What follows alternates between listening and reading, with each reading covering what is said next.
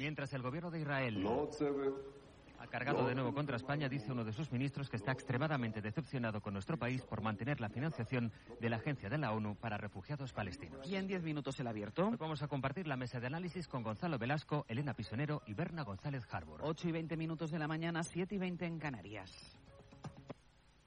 Cadena Ser Catalunya. Cultura a un clic. Esports a un clic. Actualitat a un clic. Entreteniment a un clic. Torna a escoltar. Torna a escoltar. O descobreix contingut exclusiu al web de Ser Catalunya. sercatalunya.cat Allà on vagis, Ser Catalunya t'acompanya. Escolta Ser Catalunya en directe des de qualsevol lloc amb l'aplicació de la cadena Ser. Ser Catalunya. Som a tot arreu. Som al teu costat. Descarrega't l'app de la Ser i busca Ser Catalunya.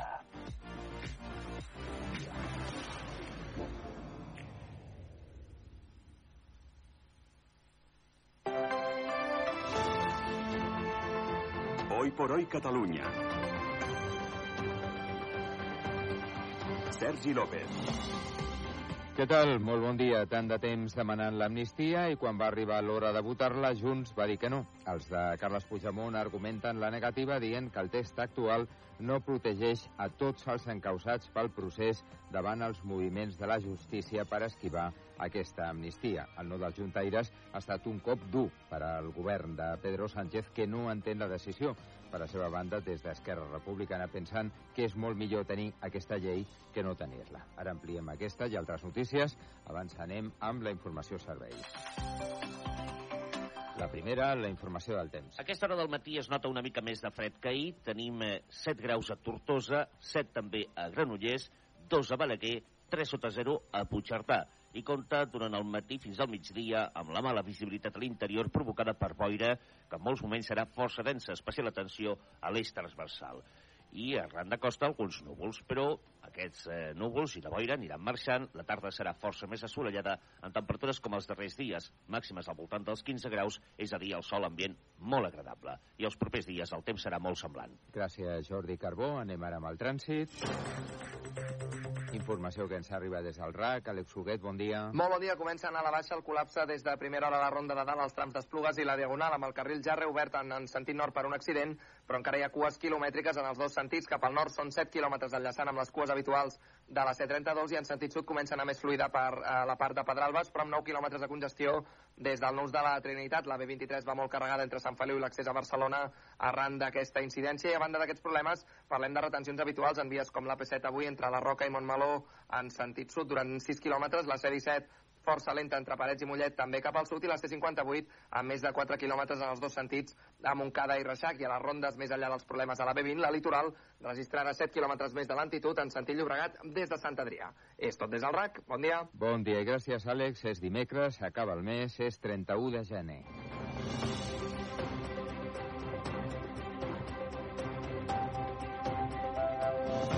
Carles Couso, bon dia. Bon dia, Sergi. La llei d'amnistia ens supega per la falta d'acord entre Junts i el PSOE i la seva aprovació podria retardar-se un mes. Sí, el partit de Puigdemont ha votat en contra de la llei perquè el seu parer no protegeix a tots els encausats del procés davant els moviments de la justícia per esquivar l'amnistia.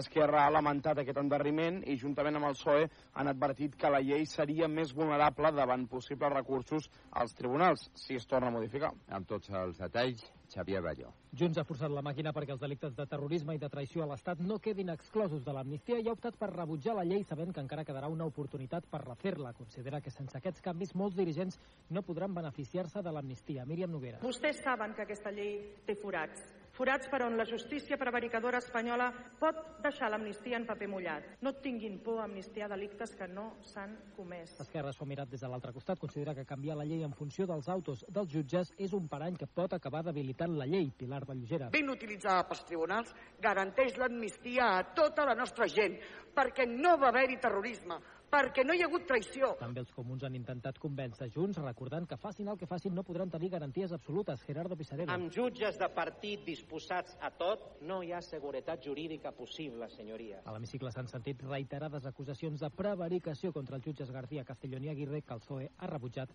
en nom de la independència judicial. I el govern espanyol ha retret a Junts el seu vot en contra de l'amnistia. I li demana que reconsideri la seva posició en les properes setmanes, en les que la Comissió de Justícia haurà de tornar a debatre si manté la llei com ara o la modifica. Escoltem al ministre Félix Bolaños. Es absolutamente incomprensible que Junts haya votado en contra de una ley que ha pactado, de la que ha votado cuatro veces a favor en la tramitación parlamentaria y que haya votado no de la mano del Partido Popular y de Vox. Precisamente los que quieren encarcelarles y los que quieren ilegalizarles. La Comissió de Justícia té un mes per elevar el text definitiu que s'hauria de votar en ple durant aquest febrer, en el que ja seria el maig vol definitiu per l'amnistia. I mentre això passava al Congrés dels Diputats a Madrid, l'advocat de Carles Puigdemont, Gonzalo Boye, amenaçava amb recusar el jutge que investiga la trama russa del procés per haver concedit una entrevista en la que parla d'aquest tema. Sí, l'amenaça de Boyer de raconar o d'intentar raconar el jutge de la causa, Joaquín Aguirre, arriba un dia després de que el magistrat anunciés que prorroga la investigació del cas.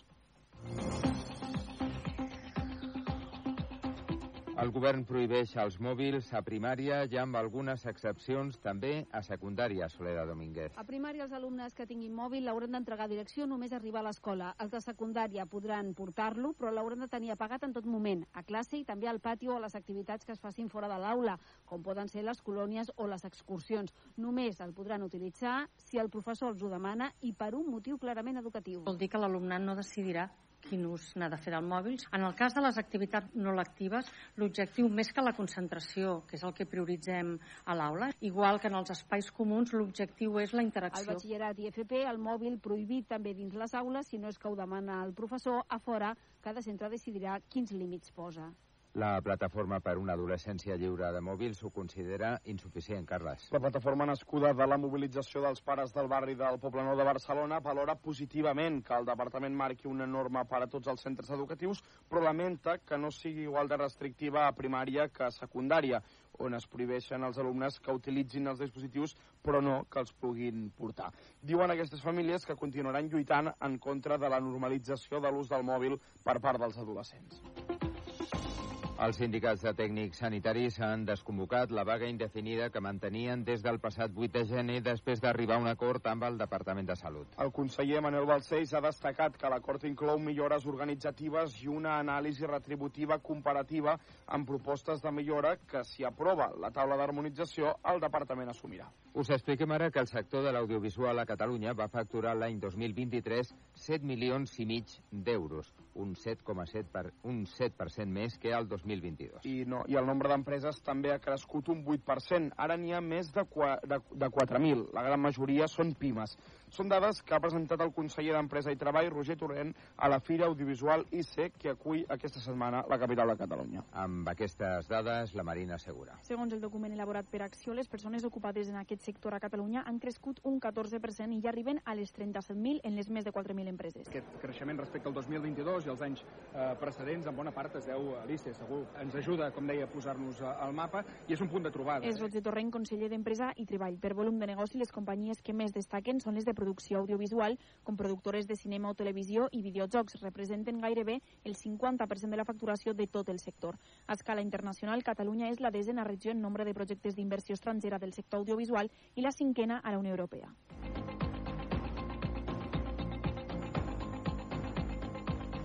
I ara ens ocuparem de la informació esportiva. Joao Fèlix s'uneix a la llista de baixes del Barça per rebre Osasuna aquesta tarda. És partit, recordem, que estava pendent perquè es va disputar en el seu moment la Supercopa i no es va poder jugar aquest maig. Joan Tejedor, bon dia. Bon dia. Fons properes al vestidor expliquen a Ser Catalunya que el propòsit de la trobada és que l'equip continuï unit per aconseguir els objectius de mínims que els demana el club, acabar la Lliga entre els quatre primers i arribar a quarts de final de la Champions.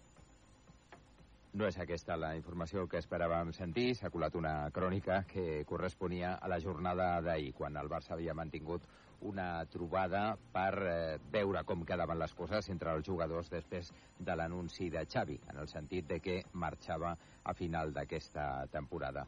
Eh, el partit d'avui contra Osasuna, que recordem és a partir de les 7 de la tarda. Carles. És a la Exacte, és a les 7 de la tarda i com explicava Sergi, el Barça Xavi no podrà comptar amb Joao Fèlix, que ha tingut una lesió al turmell i estarà de baixa unes setmanes. La seva adaptació a la lesió marcarà eh, quan podrà tornar als terrenys de joc. El partit d'aquesta tarda del Barça serà el primer després de que Xavi Hernández hagués anunciat després de la, de la derrota contra el Villarreal que serà eh, que al final de temporada plegarà com a entrenador del Barça. I també avui es juga l'Atlético de Madrid Rayo Vallecano, que va quedar pendent per la Supercopa. Bon dimecres.